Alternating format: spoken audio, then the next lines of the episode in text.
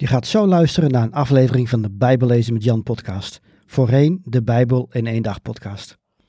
De genoemde links in deze uitzending kunnen verouderd zijn. Kijk op bijbellezenmetjan.nl of in de omschrijving van deze aflevering voor meer informatie over hoe ik mensen en kerken kan helpen met het lezen, begrijpen en geloven van de Bijbel. Welkom bij de Bijbel in één dag podcast. Mijn naam is Jan Heijnen. Ik ben auteur van het boek De Bijbel in één dag. Ik geloof dat de Bijbel Gods woord is en dat we allemaal deel uitmaken van zijn verhaal. De Bijbel is ook een vreemd boek soms. Ik help christenen de Bijbel te lezen, te begrijpen en te geloven. Op de Bijbel in één dag.com kun je het e-book De Bijbel in één dag gratis downloaden. Ook kun je de paperback bestellen of je inschrijven voor een van mijn cursussen of seminars. Oké, laten we met de aflevering beginnen. En we zijn aangekomen bij de kleine profeten. De kleine profeten vormen het slotakkoord van het Oude Testament. Het is een verzameling van vrij korte, maar profetische Bijbelboeken.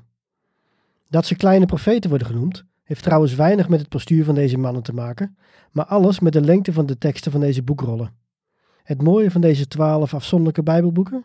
Je ziet het hart van God, alle belangrijke thema's van het Oude Testament komen terug en ze werken toe naar een enorme cliffhanger die pas in het Nieuwe Testament wordt beantwoord. Zo waarschuwen deze boeken de Israëlieten dat hun relatie met God is verstoord.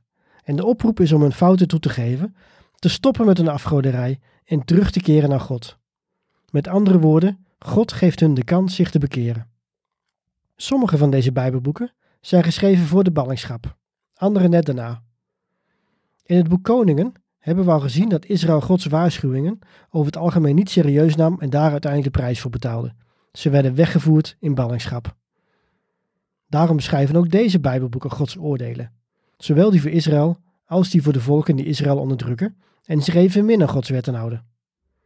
Ook beschrijven deze profeten de dag van de Heer. Dit is een dag waarop God zijn oordeel zal uitspreken.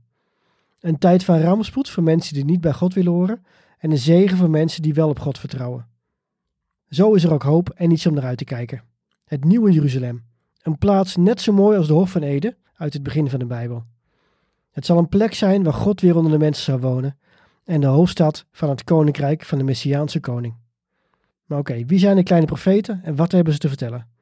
In deze aflevering bespreken we de eerste zes en we doen dat vrij vlug, dus let goed op. De eerste kleine profeet, tussen aanhalingstekens natuurlijk, is Hosea. Hij leeft in het noordelijk koninkrijk van Israël rond 750 voor Christus. Het noordelijk koninkrijk, dat zijn dus de tien stammen van Israël. Hosea kreeg een moeilijke opdracht. Hij moest Gods verbond met het volk Israël uitbeelden. Zoals eerder gezegd in deze podcast, is een verbond een overeenkomst. Een soort contract eigenlijk. Een vorm van een contract is bijvoorbeeld een huwelijk waarbij man en vrouw trouw aan elkaar beloven.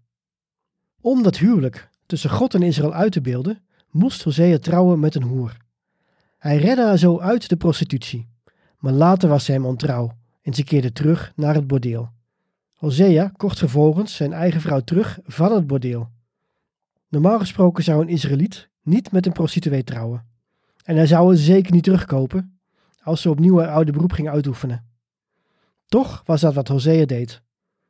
En hij laat zo zien dat op dezelfde manier God jaren later losgeld voor Israël en ook voor ons zou betalen door zijn zoon te offeren. Hosea laat dus zo Gods verlossingsplan al zien. Het volgende Bijbelboek is Joël. Het is niet bekend wanneer Joël is geschreven. Het zou kunnen dat dit was net voor de val van Jeruzalem, in ongeveer 588 voor Christus, of anders ongeveer 400 jaar voor Christus. Maar Joël vergelijkt een sprinkhanenplaag die het land teistert met de dag van het oordeel. Het boek benadrukt hoe God zonde zal straffen, het roept op tot bekering en het laat zien dat er bij God genade en verlossing te vinden is. Dit geldt niet alleen voor Israël, maar voor alle natieën. In het nieuwe Jeruzalem zal geen hongersnood meer zijn, zoals tijdens en na de sprinkhanenplaag, maar juist een overvloed aan voedsel. Na Joël komen we uit bij Amos. Amos was een herder uit het zuidelijke rijk dat bestond uit de stammen Juda en Benjamin. Maar hij preekte in het noorden, bij de tien stammen. Hij deed dat net voor, of misschien wel in dezelfde periode als Hosea. Amos is om eerlijk te zijn een wat deprimerend boek. Het gaat er vooral over dat Israël nu Gods vijand is en dat God hen zal verwijderen uit het land. Net zoals hij dat eerder deed met de volken die in Canaan woonden, voordat de Israëlieten bezit namen van dat land. Amos kreeg persoonlijk veel te maken met tegenstand. Toch heeft hij uiteindelijk ook een paar woorden van hoop. Want na het oordeel volgt herstel. Het Bijbelboek Obadja speelt zich waarschijnlijk af net na de val van Jeruzalem. Misschien dus in dezelfde periode als Joel. Het is het kortste boek uit de Bijbel, slechts één kort hoofdstuk lang. Het gaat over Edom. De Edomieten zijn afstammelingen van Esau, die de tweelingbroer van Jacob was. Nadat Jeruzalem was gevallen en een groot deel van het volk in ballingschap was afgevoerd, plunderden de Edomieten wat er over was van de stad.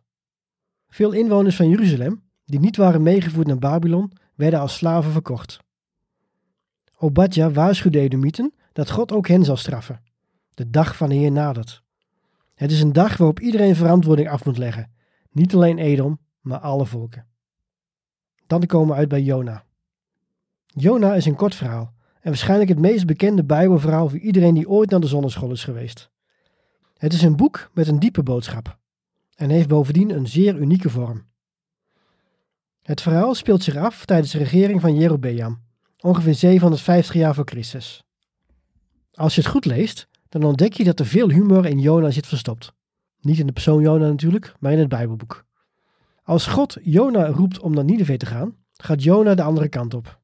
Alsof je als mens kunt wegrennen voor een almachtige God. De reactie van Jona is trouwens wel te begrijpen. Nineveh lag in Assyrië, het huidige Irak. En de Assyriërs vielen regelmatig andere volken aan en deden de vreselijkste dingen. Ze waren echt de terroristen van die tijd. Zoals gezegd, kan Jona niet vluchten van God. Hij wordt opgeslokt door een vis en wordt pas na drie dagen weer uitgespuugd. Hij heeft geen andere keus en met tegenzin gaat hij nu op weg naar Nineveh, de stad die volgens hem verwoesting verdient. Maar als Jona heeft gepreekt, bekeren de Assyriërs in de stad zich. Dat is iets waar Jona ontzettend boos over is.